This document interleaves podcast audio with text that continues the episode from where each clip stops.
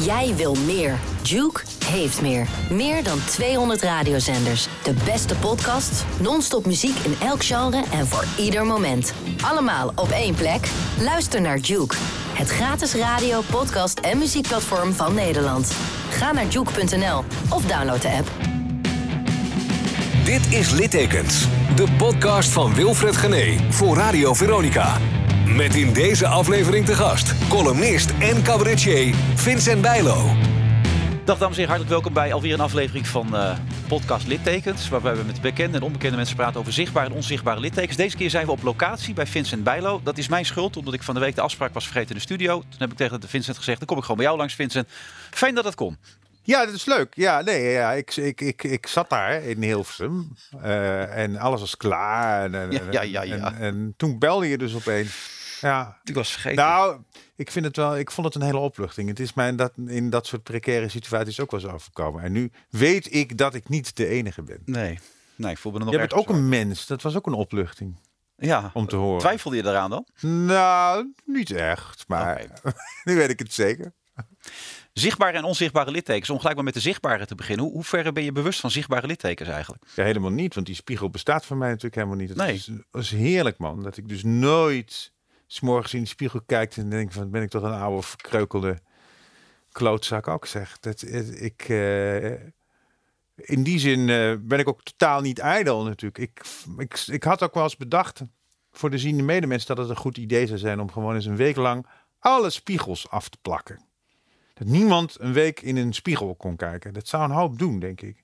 Wat zou het doen dan, denk je? Nou, mensen, mensen, er- zou wel veel minder narcisme zijn, denk ik. En er zijn, eh, maar ook veel minder twijfel. Want mensen eh, willen altijd in de spiegel een beeld zien van zichzelf dat niet het echte beeld is. Want dat moet een soort perfect beeld zijn en dat moet een, een, een, een beeld zijn wat voldoet aan een aantal dingen.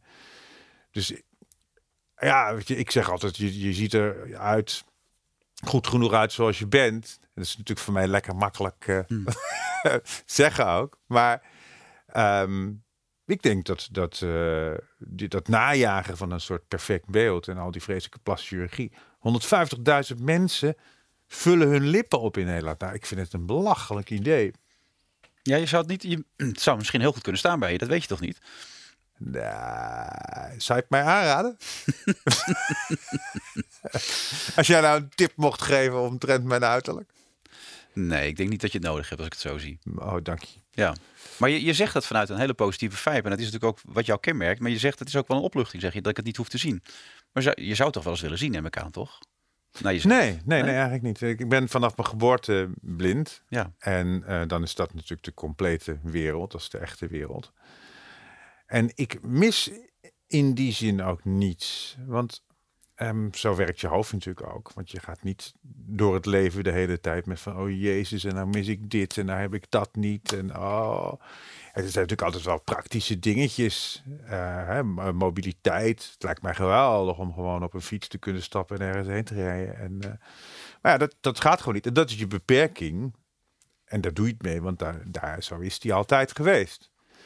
En het is net als met mensen noemen mij altijd gehandicapt.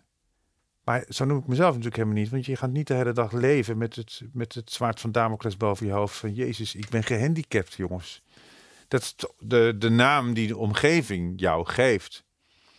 Want in wezen is iedereen wel op de een of andere manier heeft beperkingen. Maar die benoem je alleen heel vaak niet. En 95% van die beperkingen, die zie je niet. Maar als je ziet, als je eens in kaart zou brengen wat een mensen met verschrikkelijke stoornissen er in, in, in dit land rondlopen. En, en hoe de omgeving daaronder leidt. Nou jongen, dat is dat heel veel mensen natuurlijk gehandicapt.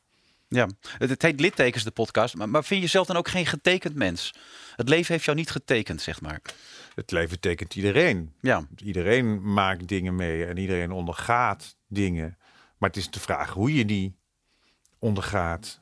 Hè, ik, ik, ik vind het leven een geweldig iets, omdat het, het, het ontrolt zich steeds maar elke dag, elke dag, elke dag. En we hebben er allemaal helemaal niet om gevraagd. We hebben geen idee waarom we hier op de wereld zijn. En er zit ook helemaal geen plan of een doel achter. Maar ja, als we er dan toch zijn, dan moeten we er maar iets leuks van maken. En niet op een vreselijke ratelbandachtige positieve manier, maar op een, op een manier van, nou ja, wat zullen we eens gaan doen? En dat is eigenlijk elke dag gewoon mijn drijfveer. Gewoon nieuwsgierigheid hoe die dag zich gaat ontwikkelen. Ik kan midden in de nacht wakker worden en, en, en alvast bijna uh, de bacon ruiken met de eieren die ik ga bakken de volgende ochtend. En ik denk, ja, dat ga ik straks doen, jongens. Leuk.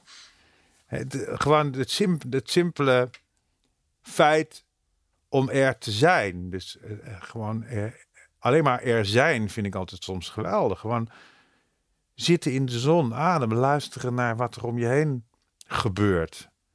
En dan hoeft er helemaal niet meer te zijn. En al dat ingewikkelde gedoe en, en, en carrière en zo. Het is allemaal leuk, maar het is allemaal een middel. Je het niets, dat gaat trouwens voor alles. Als, als iets een doel wordt, dan schiet het zijn doel voorbij. Dingen moeten, moeten middelen zijn. Dus zo'n zo'n podcast bijvoorbeeld, dat is een middel. Dat is een middel om, um, om te laten weten aan mensen hoe wij over dingen denken of hoe wij hier zitten. Of dat dat, dat leuk is om te maken. Maar een doel is het niet, want een, een, doel is iets heel anders. Een doel is dat, dat je iets leuks doet met je leven of dat je, hè, zoals jij dat ook doet, je, jij doet zo gigantisch veel. En ik heb ook echt de indruk dat, je, dat jij het echt ontzettend leuk vindt en dat het een soort speeltuin is waar je je in begeeft. Want je doet het uiteindelijk natuurlijk toch vrijwillig. Je doet het wel voor geld, maar het is toch wel... Als je, als je het niet leuk vindt je zit met een zagrijnige kop elke middag achter die radiomicrofoon... Ja, dan, dan houdt dat natuurlijk een keer op. Dus die drive, die moet iets anders zijn. En die drive, dat is volgens mij gewoon inderdaad... Van wat gaat er nou toch weer eens gebeuren vandaag? Nou, dat, dat klopt wel wat je nou zegt. Daarom, je zegt het is dan allemaal een, een, middel en niet een doel. Maar als dan jouw column stopt bij het AD, ik kan me voorstellen dat je dat niet leuk vindt dan. Dat dat middel wordt afgepakt dan. Ja, dat is niet leuk, want dan wordt natuurlijk je een podium ontnomen. Om hele merkwaardige redenen. Ja, wat was de reden nou precies? Het was tijd voor een vernieuwing of zo, werd er gezegd, toch? Nee, ja, er was, er was lezersonderzoek gedaan. En toen bleek dat mijn column in de regio Oost en in de regio Zuid, werd mij medegedeeld, minder scoorde. En dat was een reden voor de hoofdredactie. Om dan te zeggen, nou, we kappen met die column. En ik heb wel natuurlijk heel veel tegenargumenten genoemd van dat uh, de AD is de enige krant waarin radiorecensies ja. staan. Oh, dat is een hele unieke. Niet alleen het AD trouwens, hè, want dat ding wordt ook in de Stentor, in de PZC en de overal. Gelderlanden, ja. Tubantia afgedrukt. Ja, dus ik dacht, dat is een unieke positie die je dan als krant hebt. En die moet je eigenlijk behouden. En niet zozeer voor mij, maar voor de radio. Want ik vind dat leuk om over radio te schrijven. Want dat gebeurt te weinig. Want er is natuurlijk er is ongelooflijk veel radio. Maar je, je, je leest er eigenlijk nauwelijks iets over. Nou ja, dus dat heb ik allemaal gezegd. Nee, het besluit stond vast. We kappen ermee, stoppen ermee. En uh, ja, natuurlijk is dat kloterig. Uh, omdat je inderdaad niet meer kan doen wat je leuk vindt op zo'n manier. Maar aan de andere kant is het zo dat zo'n krant is een kanaal, is een media, is een podium. En mijn drive voor dat medium verandert dan niet. Dus ik moet een ander podium gaan zoeken. Hè, ja. Dan denk ik, nou ja, dikke lul dan niet in het AD. Als jullie dat niet meer willen, dan ga ik dat gewoon ergens anders doen. Dag. Wat zo moet je. Het is namelijk geen. Het is geen um, persoonlijke aanval in de zin van dat mensen denken van nou die Bijlo die slecht zo schrijft zo verschrikkelijk slecht. Uh, we kappen daarmee. Althans, niet dat ik gehoord heb. Nee, nee. En zelfs al zou dat zo zijn, ik hoop dat nooit, omdat ik echt probeer om ook mijn, mijn, de lat hoog te laten liggen in alles wat ik doe. En zelfs al zou dat zo zijn, dan kan ik zeggen, ja, dat, dat kunnen jullie vinden. Maar ja, uh, wat staat er voor de rest in die krant op die showpagina's? Daar heb ik ook wel zo mijn mening over. Dat vind ik ook niet allemaal top. Wat vind, je van, wat vind je van Angela de Jong eigenlijk dan? Nou ja, kijk, Angela doet natuurlijk iets wat heel erg op dat, op dat AD aansluit. En die is door dat AD gemaakt tot een, tot een, tot een, tot een uithangbord. En zij, wat zij doet is zoveel mogelijk kliks genereren. Zonder echt enorm controversieel te zijn. Want dat willen ze niet daar hmm. bij dat AD. Want als je echt controversieel bent. Zoals ik vroeger wel eens was met mijn nieuwscolumns. En daar ben ik ook afgehaald toen die fusie kwam met die Wegener kranten dan gaat dat natuurlijk abonnementen kosten. En in deze tijden waarin de, eh, de omzet van die kranten toch al heel erg terugloopt. Dus je krijgt een krant die steeds meer naar het midden gaat en die steeds meer een soort van, tja, uh, uh, nou, een beetje netterige taal gaat uit, gaat, gaat publiceren. Dus de echte randjes en het echte dwarsen, de echte rebellie, dat zit natuurlijk nergens in zo'n krant. Het is geen spannende krant meer als ik jou zo hoor. Nee, dat is het niet. Nee. nee. nee. Dus maar dat geldt voor heel veel media. Het is maar goed dat je weg bent, bedoel je ook eigenlijk, of niet? Het past, het past ook niet meer bij jou dan, eigenlijk die krant, als je het zo beschrijft. Die krant? Ja, als je het zo beschrijft. Nou, dat is altijd een afweging. Want ik vind het altijd wel leuk om mijn steentje daar toch nog aan te kunnen bijdragen. En binnen die marges dan te kunnen klieren en klooien en kijken wat ik kan. Ja. Ik heb bijvoorbeeld laatst uh, in een kolompje dat ik schreef over de Sandwich, programma van Jacques Kleuters. Dat bestond 25 jaar. Dat is een programma waarin hij ook altijd poëzie voorleest. En hij, las, hij leest elk jaar, op de eerste dag leest hij een, een gedicht voor van Vazalis. En Vazalis is de dichteres, een van de grootste dichteressen die wij in Nederland hebben gekend. En um, ik heb toen in die column dat hele gedicht afgedrukt. En dat vond ik toch wel leuk, dat ik op de showpagina ja. dat gedicht kon En ik heb daar ook nog mail van mensen over geschreven, over gehad. Van wat is dat voor gedicht en kun je mij dat sturen? En uh, uh, ik vind dat dan toch wel een stoer. Dat dan naast uh, al die funzige roddels over uh, Bridget en André en, en, en, en Marco en Iris of de secretaresse. Dat er opeens zo'n gedicht staat te prijken en te pronken van Vasalis. Dat vind, mm. dat vind ik leuk. En het is dan mijn uh, kleine genoegdoeningje. Maar dat is bij jou wel het motto, hè? Waar een deur dicht gaat, gaat een deur open. Het glas is altijd half vol. Je hebt een grote hekel aan slachtoffercultuur. Dat zei je ook in je documentaire, heb je ook in je programma's wel verteld. Ja. Daar irriteer je dood aan, hè, bij mensen, toch? Ja, en het wordt steeds erger. De hele kranten en, en media staan natuurlijk heel vaak vol met, met allerlei verhalen. En, en mensen wentelen zich in dat slachtofferschap van... God, wat mij nou toch weer niet aangedaan is. En verhalen over mensen die aan kanker lijden. En dan staat er altijd bij, maar waarom ik? Ja, dat is natuurlijk helemaal geen vraag. Want kanker kiest geen personen uit. Iets, iets overkomt je in het leven. Of kan... Toen Renate Dorrestein kanker kreeg, zei haar, eh, toen zei ze tegen haar man ook, waarom ik? En toen zei haar man, ja, maar waarom zou dat jou niet overkomen? Hmm. En dat is, dat is een, een keihard antwoord, maar dat is natuurlijk wel zo. Want kanker gaat geen slachtoffers uitkiezen. Net als, als, heel veel dingen in het leven, die kiezen geen slachtoffers uit. Als jij een blok beton op je kop krijgt, dan uh, is, is er, er zit geen sturende hand achter. Nee. En heel veel media, mensen houden daar ook heel erg van, van die slachtofferverhalen. En dat, is ook, dat vind ik ook een beetje, beetje, beetje narig, omdat het namelijk heel vaak is van... Och ja, die heeft dat nou, dat heb ik dan gelukkig niet. Maar ja, ik heb mijn eigen problemen, want ik zit met dat been. Hè, of zo. Of dat, dat... Je hebt het nooit gehad ook, want het syndroom van Norrie heet het toch, wat jij hebt, toch? Zo moet je het omschrijven, toch?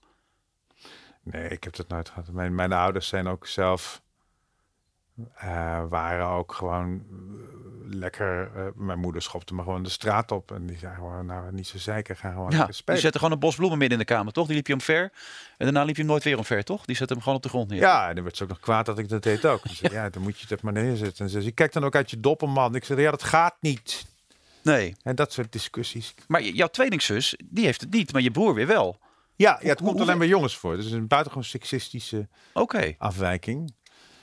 En uh, de, de vrouwen geven het door, overigens. Dus mijn, uh, mijn zus zou dat kunnen doorgeven. Of ze dat doet, weet ik niet. Uh, ze heeft wel onderzoek gedaan, maar ik weet niet wat het resultaat daarvan is. Ze heeft één dochter. Oké. Okay.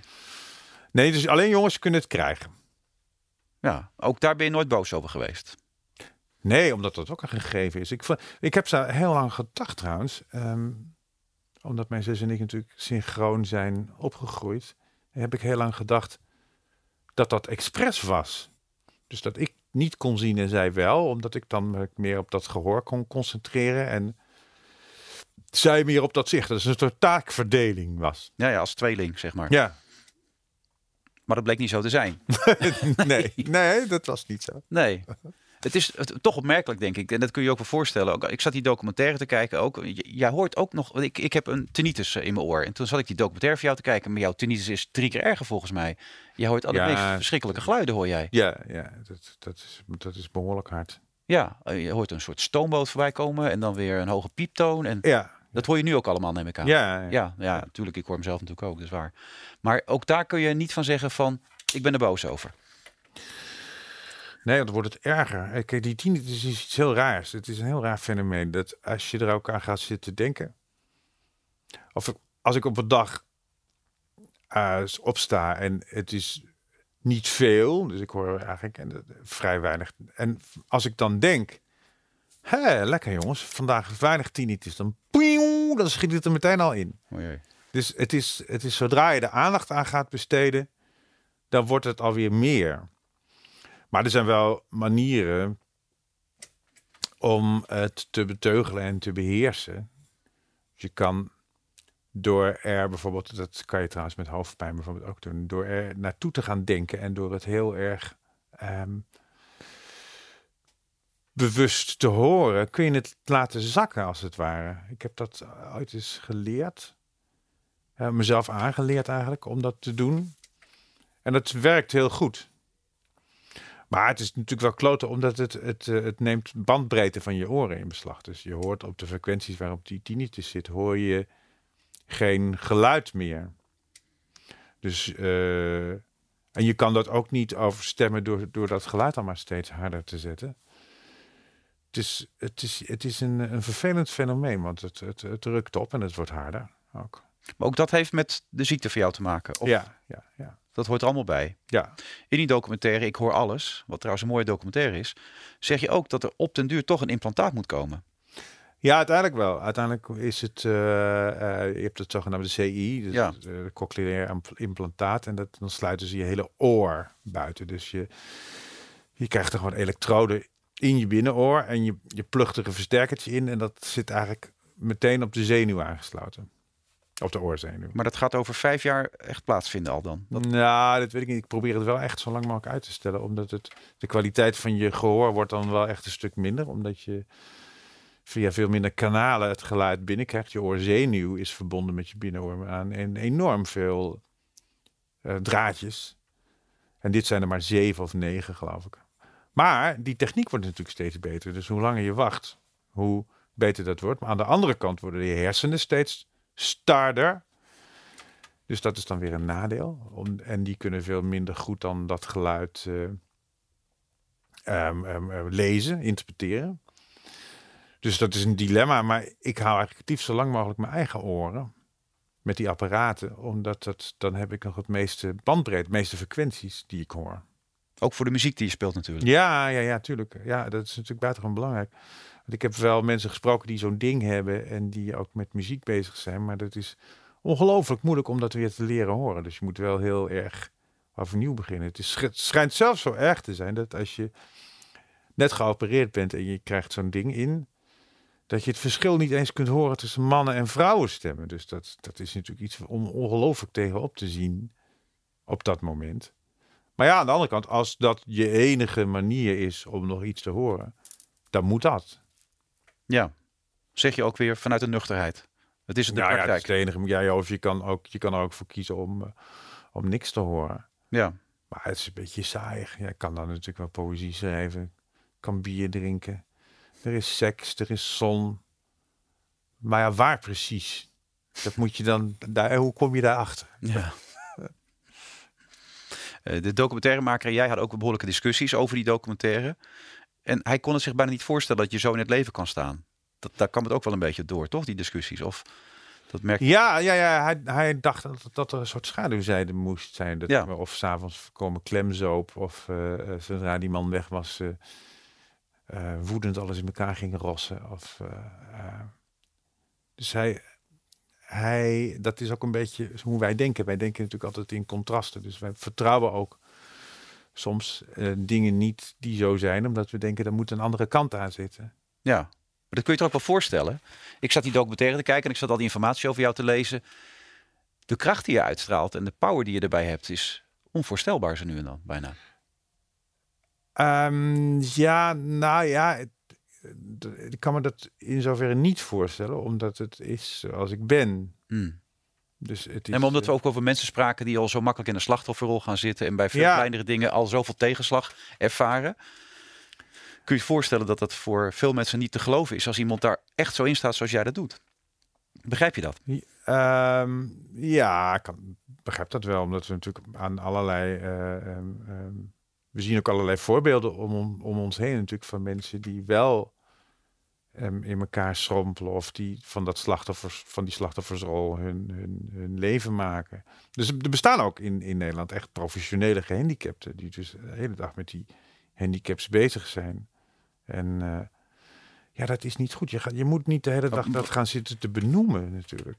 Maar professionele gehandicapten, Ja, echt. die, hebben, die hebben er een bestaan van gemaakt, bedoel jij? Om gehandicapt te zijn. Ja, ja, ja, ja, ja. En die, en die in, in, in al die clubs zitten en, en, eh, en eh, de hele dag maar bezig zijn. Maar ook, ook hun leven lang een soort miskendheid houden. Van god, ik had dit of dat kunnen doen als ik niet. Ja, daar moet je toch eens een keer overheen over het stadium. Want anders kun je je ook niet ontwikkelen. Nee. Want je ontwikkeling die, die, die kan alleen maar plaatsvinden als je dingen verwerkt hebt. Dus als je dat waarom, als je altijd maar in, die waarom fase blijft hangen, dan kom je niet verder. Want dan leer je nooit iets accepteren. Actieve berusting heb je het wel eens genoemd, toch? Ja, dat is het eigenlijk. Het is berusting zonder dat het, dat het, dat het gezapig wordt. Of dat het, eh, dat het. Want berusting kan natuurlijk ook inhouden dat je, dat je geen grenzen meer oprekt. En ik vind dat je dat altijd wel moet doen. Ik vind dat je altijd. Ik kan alles tenzij ik het niet kan. Dat is eigenlijk wat ik, eh, wat ik altijd eh, eh, bedenk. Heb je jezelf verrast ook door de jaren heen? Nou, het leven eigenlijk meer, mijn, mijn ontwikkeling. Kijk, op zo'n blindeninstituut word je natuurlijk een beetje bijgebracht dat je eigenlijk heel bescheiden moet zijn. En, eh, en dat je nou ja, blij mag zijn als, als er ergens een, een, een, een leuk baantje beschikbaar is in de wereld van de ziende medemens. En je moet ook niet echt opvallen. Je moet een beetje zo balken Indiaans integreren, zou ik maar zeggen. Dus de gordijnen open houden.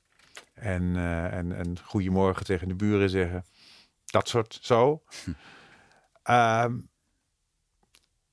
en ik had. Ik ging VWO doen op een gewone school. Toen ging het al een stuk beter, omdat ik toen opeens ontzettend ontbloeide. Mijn leven begon in die zin pas echt op mijn twaalfde of zo. Daar koos je bewust voor ook. Je wilde daar Ja, naartoe, toch? ja. Ja, je zei het is mooi geweest. Ja. Ja. Leuk dat je naar de podcast luistert van Littekens, maar wil je hem volledig en zonder reclame horen? Luister hem dan even op eh, het muziekplatform van Nederland, Juke. Ondertussen Nou- werd, je, er- werd je er ook wel gepest. Punaises op je stoel enzovoort. Ze waren niet altijd even mild voor je, toch? Die. Nee, nee, nee, maar ik heb dat, nou ja, ze probeerden het. Kijk, Ja. kinderen zijn natuurlijk zo dat ze, dat, ze, ehm, dat ze je veronderstelde zwakste plek pakken. En het is dan bij mij die blindheid natuurlijk. Dus dan gaan ze daar allerlei dingetjes mee proberen. Maar ik, ik ging er niet in mee. Dus als, als, als mensen prit op mijn brailleboek smeerden, vond ik dat eigenlijk een ontzettend leuk bedacht iets. Zodat je dus echt met je vinger echt urenlang aan, een, aan eenzelfde zin kon blijven hangen. Ik vond, ik vond dat grappig bedacht. Dus ik moest daar ook echt om lachen. En ja, dan werkte het natuurlijk niet. Want je wordt niet kwaad. En punaises op je stoel eh, was inderdaad... eh, ik ging op, op die punaise zitten. Wie heeft hier godverdomme die punaise op mijn stoel gelegd? Ja, dan werkt het natuurlijk ook niet. Mm. Dat gaat niet. Je, je, moet, je moet er wel in dat pestgedrag meegaan. Anders lukt het niet. Nee. Het is natuurlijk ook heel irritant als ze dan, als je in de volle aula staat en je op, ze, je, ze tikken op je schouder en ze rennen meteen weg. Dan denk ik, nou ja, laat ze hun energie maar, maar gewoon eh, eh, lekker eh, verbruiken met dat lopen. Dan zijn ze straks misschien in de klas wat rustiger. Want ik vond leren namelijk wel leuk. Ik vond, Maar jouw leven begon toen pas echt, zeg maar. Dat zei je net. Dat, toen voelde je dat... nou, mijn leven begon eigenlijk. Ik bedoel, het, het, het, het, het, was, het was niet echt heel zwaar op dat blindeninstituut, omdat ik thuis woonde. En eh, dus ik kon elke dag naar huis. Dus dat was ontzettend leuk. En mijn, mijn echte wereld lag eigenlijk gewoon eh, bij de vriendjes en vriendinnetjes in de straat. En, en, en bij mijn ouders en bij het hoe, gezin. hoe speelde je dan met vriendjes in de straat? Gewoon zoals wij allemaal spelen? Of... Ja, want die kenden mij natuurlijk niet anders dan blind. Dus we voetbalden met een bal met bellen. En eh, ehm, nou ja, dat, dat zal ongetwijfeld anders gegaan zijn dan qua motoriek en, en hoe handig ik was dan met, met, met ziende kinderen. Hmm. Met, maar dat, dus ja, ik was gewoon deel van die kinderen. En omdat die kinderen mij ook niet anders kenden natuurlijk dan blind. Het wordt eigenlijk pas, zij gingen pas vragen stellen toen ze met hun ouders over mij gingen praten. Dat die ouders, die gaan namelijk problemen opzoeken. Die gaan Mhm. dan zeggen van, goh, hè, wat naar voor die jongen, want nou kan hij niet. Hij kan niet, niet overal fietsen. En, en, en eh, ja, hoe moet dat dan later als hij een baan moet zoeken? En, dus die ouder- ouders, die gaan problemen opwerpen. En dan gaan die kinderen ook pas problematiserend denken. Grappig eigenlijk, zoals je het beschrijft. Ja, dat Ja, zo werkt dat. bij de volwassenen dan opeens een eh, blokkade ontstaat. Eh, Je vader had het ook iets meer dan je moeder. Je moeder deed er helemaal niet moeilijk over. Maar je vader toch wel iets meer, toch? Die, die zat er wel iets meer mee, toch? Ja, ja, ja, ja. Die was, die was wel, eh, die, die zat altijd wel vol met zorg over hoe, hoe, hoe dat verder moest. En, eh, maar die was wel een enorm, eh, enorm strijder voor rechten. Die, die vroeg ook altijd allerlei subsidies en dingen aan bij het, toenmalige GAK, gemeentelijk administratiekantoor. Ik weet nog wel een keer dat, we, dat wij eens een, eh, die braaiboeken. Daar heb ik gigantisch veel plaats in. in Hmm. het Prisma zakwoordenboek, dat, dat, dat had ik, dat was 1,43 meter aan, aan braaiband. Hm. Dus dat krijg je als blinde niet in je zak. Maar, dus dat, dat nam heel veel plaats in. En ehm, mijn vader die wilde een uitbouw vergoed krijgen van, van, van, van een of ander fonds, of van, het, van, van de overheid, ik weet het niet meer. Toen kwam er een inspecteur en toen had hij gezegd, ja, dan moet je het hele, de hele ehm, eh, gang ook volzetten met braaiboeken. Dus we, die man, we hadden het allemaal geprepareerd, dat die man die kwam en, en de gang stond vol en er stond ergens een braaimachine. En die man komt binnen en eh, ik, ik laat hem binnen. Ik zeg, ah, komt u binnen, wilt u koffie? En die man die gaat meteen zelf op zijn bek over een stapel braaiboeken. Dus dat was een ideale binnenkomen, waardoor we dat, die subsidie dus ook kregen. maar zo was mijn vader dus. Ja. En het was geen tillen, want het was eh, van, van, van fondsen of zo. Want het was echt zo. Ik vond wel soms dat hij daar wat te opzichtig in deed en was. Aan de andere kant leverde het wel weer een leuke, leuke kluchtige scènes op natuurlijk. Hij was wel trots op je, bleek later. Hè? Toen je een keer mocht, optreden bij collega's van hem, waar hij gewerkt had. Toen kwam je er pas achter hoe trots hij was, toch? Ja, dat, dat was iets geweldigs. Toen was hij al een paar jaar dood. En ehm, ik deed iets voor marketeers. En ehm, hij werkte vroeger bij de AGO, verzekeringsmaatschappij. En daar, daar, hij was actuaris. Hij, eh, hij eh, ehm, berekende polis. En dan bereken je als je actuaris wanneer een polis uit kan en niet. Maar een echte marketingafdeling bestond er toen nog niet in die tijd. Dus wat zij ook deden, die afdeling, was polissen in de markt zetten. En ehm dan was hij op een gegeven moment eh, was hij daar afgevloeid, omdat uh, ging met de Enia, werd dat Egon. En die afdeling van hem was niet meer zo nodig. En een aantal collega's van hem, die, die zijn toen allemaal voor zichzelf begonnen. En, en ik speelde voor hen, een paar jaar na mijn vaders dood. En die vertelde mij toen verhalen over mijn vader, dat hij, dat hij fotoboeken van ons kinderen meenam naar kantoor en dat hij die liet zien. Nou, werkelijk. Dat heeft hij tegen ons nooit gezegd. Want mijn vader, die zei, trots, dat is een woord voor nazi's. Dat ken ik niet. Dat, dat trots, nee, dat is, dat is niks voor mij. Uiteindelijk bleek wel, toen we hem erop doorvroegen een keer, en zeker bij Mariska heeft dat gedaan, mijn vrouw, omdat die, die, uh, ja, die was daar ook wel benieuwd naar hoe, wat, hoe hij nou mij inschatte. Toen bleek wel dat hij dat was, maar uit zichzelf gaat dat natuurlijk niet. Maar toen ik dat van die collega's hoorde, dat was echt. Uh, ja, dat je vader je na je dood nog zoiets geeft. Dat vind ik erg mooi. Ja. Maar thuis kon het echt niet. Daar liet hij niks van merken dus. Nee, maar ook weer niet, niet, niet dat hij... Ja, hij heeft me wel afgeraden om cabaretier te worden toen ik nog studeerde. En uh, ben ik op een dag met mijn studie gestopt.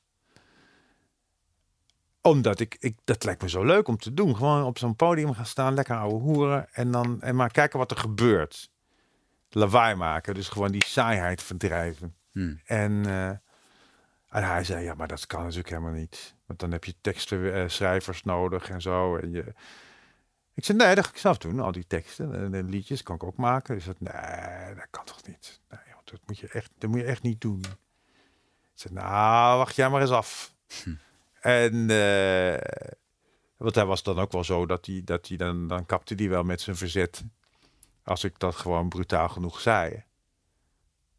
Maar dat heet natuurlijk wel van, ja, maar zeg niet dat ik je niet gewaarschuwd heb. Maar hij kon er ook om lachen als hij naar de voorstellingen ging? Vond hij het leuk? Ja, oh ja, absoluut. En uiteindelijk was hij, vond hij het ook wel heel stoer. hoor. Dat, en, eh, kijk, mijn vader is natuurlijk, was een, hij kon ook heel goed schrijven trouwens. Dat heeft hij nooit echt heel erg in praktijk gebracht. Wel op familiedingen en zo en eh, korte verhaaltjes af en toe. Maar ik denk dat hij eigenlijk, want hij voelde zichzelf wel een behoorlijke loonslaaf. Dat hij elke dag weer naar die, naar die zaak moest en, eh, en, met die trein heel vroeg mee en zo. Dus ik denk dat hij ook wel dat vrije leven wat ik had en heb, dat hij dat ook wel eh benijden. Denk dat hij dat wel heel stoer vond, eh, dat ik dat opgebouwd had. Uiteindelijk is het altijd bij je gelukt om die kracht te vinden. Eén keer niet. Hè? Toen je op je vijftiende van je moeder hoorde dat je ook doof zou worden, toch? Toen was even een moment van, waarom overkomt me dit een paar dagen, toch? Dat is één, het is de enige keer in je leven geweest, toch? Dat je even tegen zat.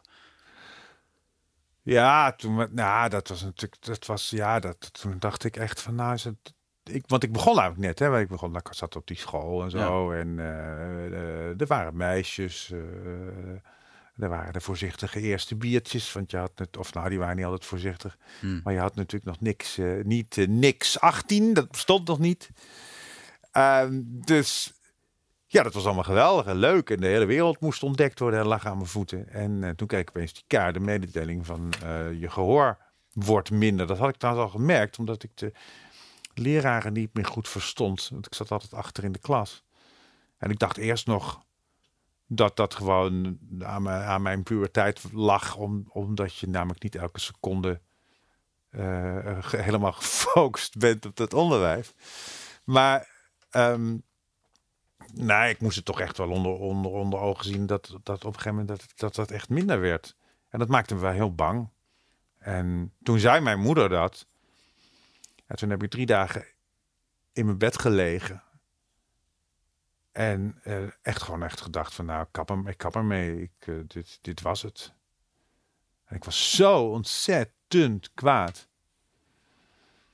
En toen had ik wel die waarom gedachte. Waarom in Gods Heere Jezus naam? Hmm. En, en na die drie dagen, het klinkt heel eh literairderig, maar het is echt zo gegaan. Werd ik wakker, want ik had de radio aan laten staan. Radio Uniek Amsterdam had je toen, piratenzender. Dus ik, af en toe hoorde ik door mijn, eh, door mijn eh, half slaap en woede hoorde ik de bankstellen gigant. Dat soort reclames hoorde ik heen. En eh, na drie dagen werd ik opeens wakker en toen was het helemaal stil. Mijn moeder die had blijkbaar de radio uitgezet. En toen hoorde ik de bomen ruisen in de tuin. We hadden van die enorm hoge populieren achter in de tuin. Die hadden zo'n hele massieve, zo'n hele massieve ruis voortbrachten. En, en dat is een hele mooie ruis, want daar, zit, daar zitten werkelijk alle frequenties van het spectrum zitten daarin. En ik hoorde die bomen ruisen. En ik kwam tot mezelf en ik had het ontzettend warm van, van dat hele lange liggen in dat bed. En ik zweette met de pleuris. En ik rook ook eh, de, de seringen en, en blauwe regen en fluitenkruid. Was mei. En toen ben ik in mijn raamkozijn gaan zitten. En toen koelde ik zo'n beetje af en ik voelde de, de wind langs me ehm, wangen. En ik dacht van, wat ben ik toch ook een klootzak ook zeg. Want er is natuurlijk eigenlijk helemaal niks veranderd. Zij heeft mij wel dat verteld. Maar daardoor gaat het niet opeens veel sneller. En ik weet dat nu. En dat ik dat weet, wil nog niet zeggen dat ik nu onmiddellijk eh, voor de trein moet gaan springen. Of iets, iets moet, moet, moet- mijn leven moet beëindigen. Want ik dacht van, ik, maar ik, ik hoor die populeren. En dit is een van de mooiste geluiden die ik ken. En ik ruik die seringen en die blauwe regen en die fluitenkruid. En toen heb ik echt besloten van, nou weet je, ik ga gewoon door.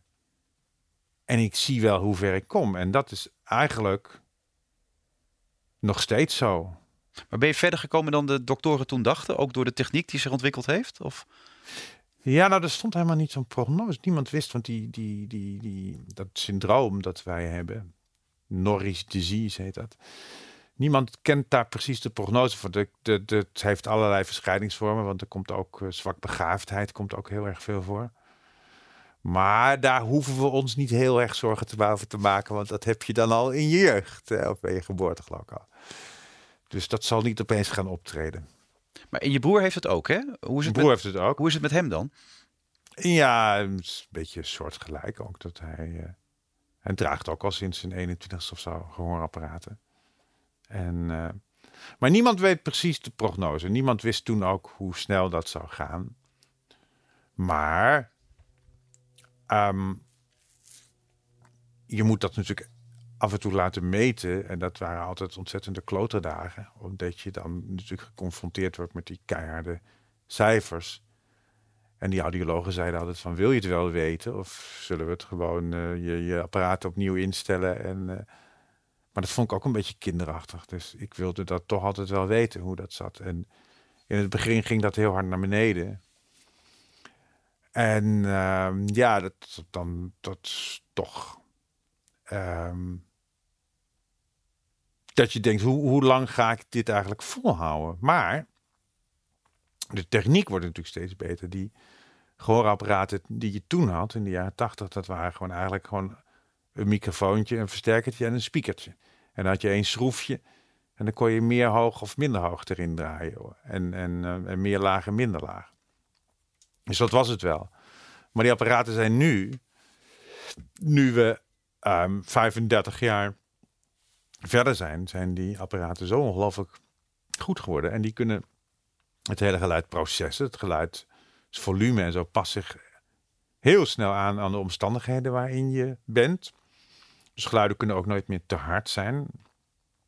En je kunt ook bijvoorbeeld in, in lawaaiige cafés en, en ruimte en restaurants kun je goed zijn. Dat was vroeger echt een probleem in het begin.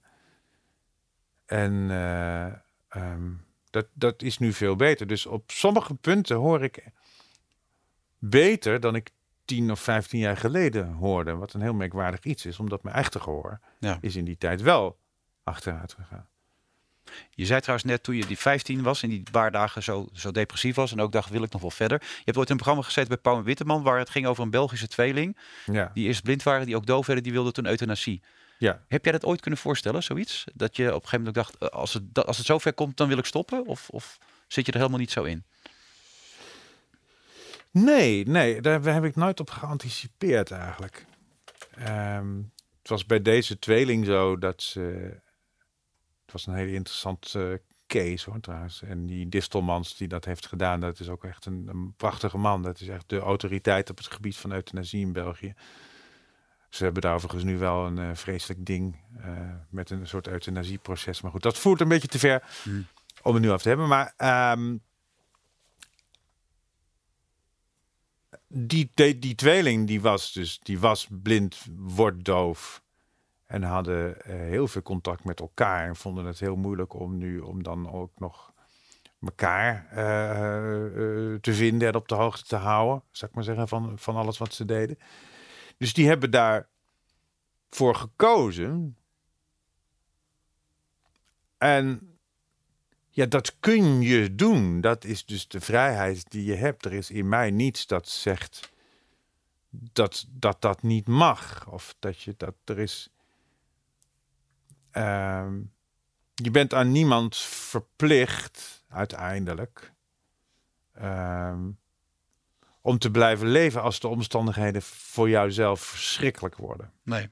Maar dat heb je nog nooit in je hoofd gehaald, ge- nooit bedacht ook voor jezelf, dat zo'n situatie zou kunnen komen. Nee, nee, nee, nee, nee. Omdat ik dat namelijk dan wel zie. Omdat dat namelijk ook volgens mij helemaal geen absoluut punt is. Dat, dat is iets wat, eh, wat, eh, eh, wat waarschijnlijk heel ver kan worden opgerekt. Omdat je ook niet weet wat je nog leuk vindt aan je leven dan. Nee.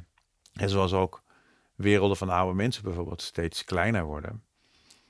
En dan denk je natuurlijk als jongere buitenstaander van Jezus, als ik zo zou zijn, dan zou het voor mij niet meer hoeven. Maar die mensen denken daar niet zo over. Omdat zij binnen dat hele kleine wereldje blijkbaar zoveel ruimte hebben gevonden dat ze toch nog eh, genoeg bevrediging uit het leven halen. Ja. Als Dus ik, je, je weet dat van tevoren, kan je dat natuurlijk nooit weten. maar als ik jou zo hoor, zit er nog heel veel bevrediging in het leven, toch? Jij geniet dus elke dag als je weer wakker wordt. Je, Ja. denkt, je denkt alweer na over die eieren met bacon die je gaat maken. je, je hoort je vrouw die mooi kan zingen. Daar word je vrolijk van, neem ik aan. Ja, Dus- precies. Ja. Ja, er is nog er is, er is ontzettend veel. En eh, bovendien zijn er natuurlijk altijd weer allerlei dingen die gebeuren. Hè, de, de hele wereld rolt door. En ik ben natuurlijk iemand die enorm in dat nieuws is ook. En, en, die, en die columns schrijft. En die, dus heel veel wordt, wordt je gepresenteerd Hmm. van, van buiten. En die hele ontwikkeling vind ik al heel fascinerend. Hoe mensen met elkaar omgaan. Wat, wat, wat er gebeurt op de, op de, op de, op de politieke toneel of internationaal. Maar ook gewoon ook, ook sportdingen en zo. En, en eh, events. Het leven, de, de wereld is natuurlijk wel een soort van, soort van grote speeltuin. Omdat we ook niet weten wat we daar anders zouden moeten doen. Maar je moet hem wel serieus beschouwen in die zin dat ik probeer wel heel erg eh, eh, duurzaam te leven, zou ik maar zeggen. En ook daar zoveel mogelijk aan bijdragen dat dat gebeurt. Want we zijn hem natuurlijk wel echt naar de kloot aan het helpen, Hmm. die wereld. En, Ja. en eh, daar moeten we echt voor eh, toekomstige generaties... ja, want die zitten er allemaal mee. Zo'n Greta Thunberg... eh, wordt natuurlijk vaak afgestuurd, ges- geschilderd als een ontzettend hysterische eh, klimaatkind. Uh, maar die heeft natuurlijk wel een enorm punt. Want ehm, het wordt steeds erger. En zij hebben daar allemaal niet om gevraagd. Zij zijn hier ook maar neergepleurd, die kinderen. Ja. Dus die verantwoordelijkheid ligt heel erg bij ons. Maar soms ook ook het idee alsof het al, dat het al veel te laat is. En dat we al lang die grens zijn gepasseerd. Maar ja, dat is niet een argument om dan niks te doen. Want dan zeg je, denk je nou, mijn tijd wil duren en eh, flikker maar op allemaal. Mocht je meer afleveringen willen beluisteren van eh, Littekens, ga dan even naar ons muziekplatform Juke. Daar kun je ze allemaal vinden. Alle afleveringen van Littekens. Je, laten we eens even het woord kinderen vallen. Eh, Jij, jij draagt het bij je, het, het gen ook of niet? Of kun jij het niet overdragen als je kinderen zou krijgen? Het, het gen wat jij hebt. eh. En nee, ik kan, ik kan het alleen maar overdragen op meisjes dat die dan weer jongens zouden kunnen krijgen die het zouden hebben. Oké. Maar niet, niet, niet letterlijk. Maar dat is trouwens geen reden dat, dat niet de reden dat we geen kinderen hebben. Wij, wij hebben geen kinderen omdat je ook... eh, nou, je hadden daar zelf allebei niet zo'n behoefte aan. We vinden kinderen ontzettend leuk. Van, van, van vrienden en, en buren en zo. Die mogen ook altijd komen. Ehm, maar ja, dat, je hoeft niet per se kinderen te nemen. Nee. En eh, nou, in milieutechnisch opzicht is het natuurlijk ook geweldig als je ze niet hebt. Zo draag je je steentje bij aan deze... Man, Ja. man, man, wat zijn wij goed bezig. Wist jouw moeder het eigenlijk, dat ze dat, eh, dat gen in zich droeg? Toen Nee, nee, nee. Dat wist ze niet. Nee, nou, mijn, toen mijn broer geboren werd en hij blind bleek te zijn na een week of zes, eh, zijn ze daar eh, echt goed achter gekomen. Toen hadden ze natuurlijk wel vermoedens dat dat zou kunnen, maar de genetica stond natuurlijk nog heel erg in die kinderschoenen. Ja. En toen hebben zij echt besloten van wat er ook gebeurt, we nemen nog een kind, of dat nou blind wordt of niet. En toen kreeg ze dus mij en een soort, soort bonuskind, mijn zusje, die wel kon zien. Hm. En ehm, ja, ik heb ze dat ook nooit verweten, eigenlijk. Dat, dat zij dat zo wilde. Kijk, als je je ouders verwijt dat ze kinderen hebben. Ik heb wel heel veel ouders waarvan ik ook denk, waarom hebben jullie eigenlijk kinderen? Maar goed, dat is weer een ander, Hm. ander verhaal. Nee, maar omdat ze wel bewust het risico namen dat het weer zou kunnen gebeuren. Al Ja. wisten ze dat misschien toen nog niet natuurlijk. Hè? Die wel, ze wisten, nou, ze, Dat dat kon. nou, ze, ze hadden wel het idee dat het wel zou kunnen, ja. Ja, ja. Maar dat zijn ze aangegaan, dat risico. Je moeder Maar- leeft nog steeds. Hè? Je hebt nog goed, goed contact altijd met elkaar, toch? Ja, ze gisteren nog wezen lunchen. Hm. En ehm, bij de Goede Gooier, Blaakem. Ha? We, nemen, we nemen dan wel de goede tenten natuurlijk. Je komt uit het gooien, dan mag dat ook. de bijlootjes. Maar het was wel een acht onder één kap. Dus het was eh, echt een rijtjeshuis. Ja. Ja, we woonden gewoon in een, in een burgerlijk buurtje in Bussum-Zuid. Helemaal aan het begin van dit interview hadden we het even over je uiterlijk. Eh, je zegt eh, niks aan doen, ik heb geen spiegel nodig. Hoe zie je er eigenlijk uit? Ja, ik weet niet, er zijn een aantal dingetjes die ik, die ik een beetje kan bij. Ik vind dat haar leuk met, met gel erin. Dus dat doe ik elke morgen en dan weet ik ook dat het goed zit. Hmm. Ik, ik eh, gebruik wel ook, ook een crème op aanraden van Maris en, en, en de mensen, zodat ik een beetje eh, het niet al te veel verrimpelt en zo. En ehm, Maar ben je een aantrekkelijke man? ehm, er zijn vrouwen die dat zeggen, ja. Ja. Maar ik weet het zelf niet. Ik weet wel dat ik niet dik ben. Dat, dat, is- dat vind ik ook heel prettig. Maar dat is ook om dat je dat dan niet met je mee hoeft te torsen. En ik probeer dat ook wel zo in shape te houden. Dus ik doe wel wat aan sport en zo. En eh, ik vind het ook lekker om te bewegen. Je lichaam is ook gemaakt om wat te bewegen en om niet de hele dag- dag te zitten. Maar je moet eigenlijk die sport moet je eigenlijk gewoon. Ik heb een enorme hekel aan sportscholen met dat opgepompte gedoe. En, Ja, maar dat en- zie je toch niet? Daar heb je toch geen last van? Huh? Dat zie je toch niet? Daar heb je toch geen last van in die sportschool? Ja, nee, maar dat, die sfeer die daar hangt en het opgepompte gedoe en, eh, en, eh, en, die, en die muziek en zo. Dus ik, eh, ik zit thuis gewoon op een home trainer. In dit tuinhuisje waar we nu zitten, daar gebeurt het allemaal. Nou, het, we hebben boven ook nog een fiets staan. Dus ik s'morgens, Oké. als ik wakker word, dan ga ik eerst op die fiets en een beetje met halters. En, Oh, Ik zie ook nog een loopband staan. Ja, die zien de kijkers niet natuurlijk, maar die is even opge, opgeruimd, zie ik. Nou ja, dat doe je dus ook nog. Een loopband. die loopband, ja, dat Ja. doe ja, daar sta ik ook op. Zo hoor. Absoluut. Ja, ja, ja, ja, ja, ja. Ja, dat is ook leuk, want dan kan je namelijk tussen het schrijven door een beetje nadenken en een beetje. En ik doe dan ook wel, zet ik de deur ernaast open, dus dan heb ik ook nog buitenlucht erbij. Het is alleen, eh, je moet er ook niet gaan over de zin gaan nadenken, want je blijft, je loopt en je blijft toch op je plaats. Ja, daar moet je zeker niet over Dus nadenken. eigenlijk moet je die energie, maar het gaat ook voor die home trainer. Die home trainer zou eigenlijk op het lichtnet moeten aansluiten. Dat je nog wat, wat, wat groene energie Oh, op die manier. Ja. Eigenlijk moeten ze alle, alle energie die vrijkomt bij sportscholen, moeten ze teruggeven aan het elektriciteitsnet. Hoeveel zou dat uitmaken? Nou, dat is een behoorlijk goede suggestie dit. Ja, Ja. Dit nemen we mee. neem hem. Ja. Ja, en ik stel hem ook gratis ter beschikking. Weet je wel wat gek is, eh, Vincent? Nou, Dan heb ik een aantal van dit soort gesprekken gehad met mensen die zichtbare of onzichtbare littekens hadden. Nou, de zichtbare zie ik eigenlijk bij jou niet. Ik, ik heb niet de indruk dat er veel fout is gegaan. Dat je nee, volgens mij heb ik ergens op mijn voorhoofd, omdat ik, ik ben een keer, ik, dat kan ik me goed herinneren, heel hard tegen de schuur opgestept. Toen was ik vijf of zes. Je stepte wel gewoon, terwijl je Ja, niet ja, ja, ja.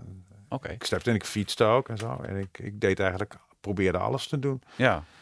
En, toen, en dat was zo hard dat ik toen, ik was eh, even totaal eh, duizelig en zo. En ik moest naar de dokter en die moest het hechten.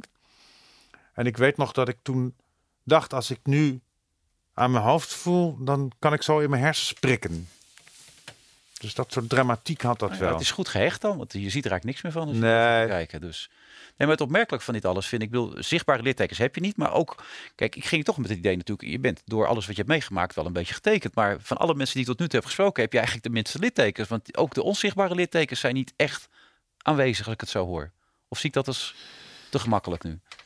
Ah, Nee, dat zie je denk ik niet te gemakkelijk. Nee, weet je, omdat ik, ik heb een soort intuïtieve manier waarschijnlijk ontwikkeld door alles wat je in je leven meemaakt aan zo, zogeheten tegenslag en zo. Omdat als het ware te, ja, gewoon mee te nemen bij de rest. En ik heb natuurlijk het enorme voordeel dat ik het kan omzetten. Of in cabaret, of in, eh, in poëzie, of in eh, muziek, in, in, in proza. Ik heb een paar romans geschreven. En Je hebt echt belachelijk veel gedaan inderdaad. Als je het allemaal ziet op jouw cv. Maar wat je eigenlijk zegt, je hebt leren leven met je beperkingen en je mogelijkheden. En eigenlijk zou iedereen dat moeten gaan doen. Dat is eigenlijk een beetje het motto, als ik het zo begrijp. Ja, dat, dat, dat lijkt me wel zo prettig. Ik, ik, eh, ik, ik heb van de week heb ik Bibian Mentel geïnterviewd. Hm. Ehm, dat, dat is eh, even voor de enkeling die dat niet weet. Dat die is snowboarder. Dat, dat voor twee jaar was ze dat. En die is al 17 keer aan kanker geopereerd. Dat komt steeds maar terug. En ehm, ze is afgelopen november ook weer geopereerd. En ik wilde haar graag interviewen. Ik heb dat voor een bijlage van het AD gedaan. eh, een zorgbijlage. Omdat ik met haar een soort verwantschap voel. Omdat zij ook eigenlijk net zo is als de dingen net zo benadert als ik die benader. Dus ik wil niet, wilde niet opeens eh, zo'n interview zoals dat altijd gaat. Van, eh, goh, wat, wat, hoe doe je dat nou allemaal? Maar gewoon een dialoog eigenlijk tussen ons. Dus dat vond ik heel aardig om haar eens te spreken. Ik kende haar niet persoonlijk. Ik, had, ik, bedoel, ik wist wel veel van haar af. Maar ja, weet je, het moet, alles wat je meemaakt, moet toch op de een of andere vanzelfsprekende manier in de, de tijdlijn van je leven terechtkomen. Dat is het eigenlijk. Omdat je anders van die opeenhopingen krijgt van frustraties en woede en zo. Ja, maar uiteindelijk is dus de conclusie dat het eigenlijk heel leuk is om Vincent Bijlo te zijn.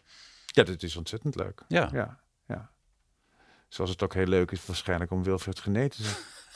hey, die ring! Ja. Gefeliciteerd, man. Dankjewel. Daarmee. Ja, En je had nog wel gezegd van tevoren. Als Bram Krikke, Bram Krikke hem krijgt, dan is hij dood. Die hele ring. ik moest de ring redden. Toen kreeg je hem zelf. Ja, dan is hij ook dood misschien wel, maar... Ja, ja. nu is hij ook volkomen dood. nee, maar het is toch stoer, toch? Ja, ik ben heel blij mee. Ja. En ik ben ook heel blij met het gesprek. Ik vond het een heel fijn gesprek, eh, Vincent. Bedankt daarvoor. Nou, dankjewel. Ik vond Ja. het ook een heel prettig gesprek. Ja. Graag gedaan, man. Blijf zo doorgaan. Dat Ja, nieuwe podium gaat er weer komen. Ik weet het zeker. Al die nieuwe podia gaan er gewoon weer... De deuren gaan weer open. Hè? Ja, natuurlijk. Ze krijgen mij niet weg eh, bij, dat, eh, bij dat AD dan wel. Ja. En nu hebben ze mij vervangen door... Hoe is het toch met? We hadden gisteren... Hoe is het toch met Bruni Heinke? Ja. Dat scoort waarschijnlijk beter in de regio. Of je zegt, nou, succes! Dankjewel. Oké, Was fijn. eh dankjewel. graag gedaan, man. Ja. Radio en muziekstreaming op één plek? Ontdek me op juke.nl.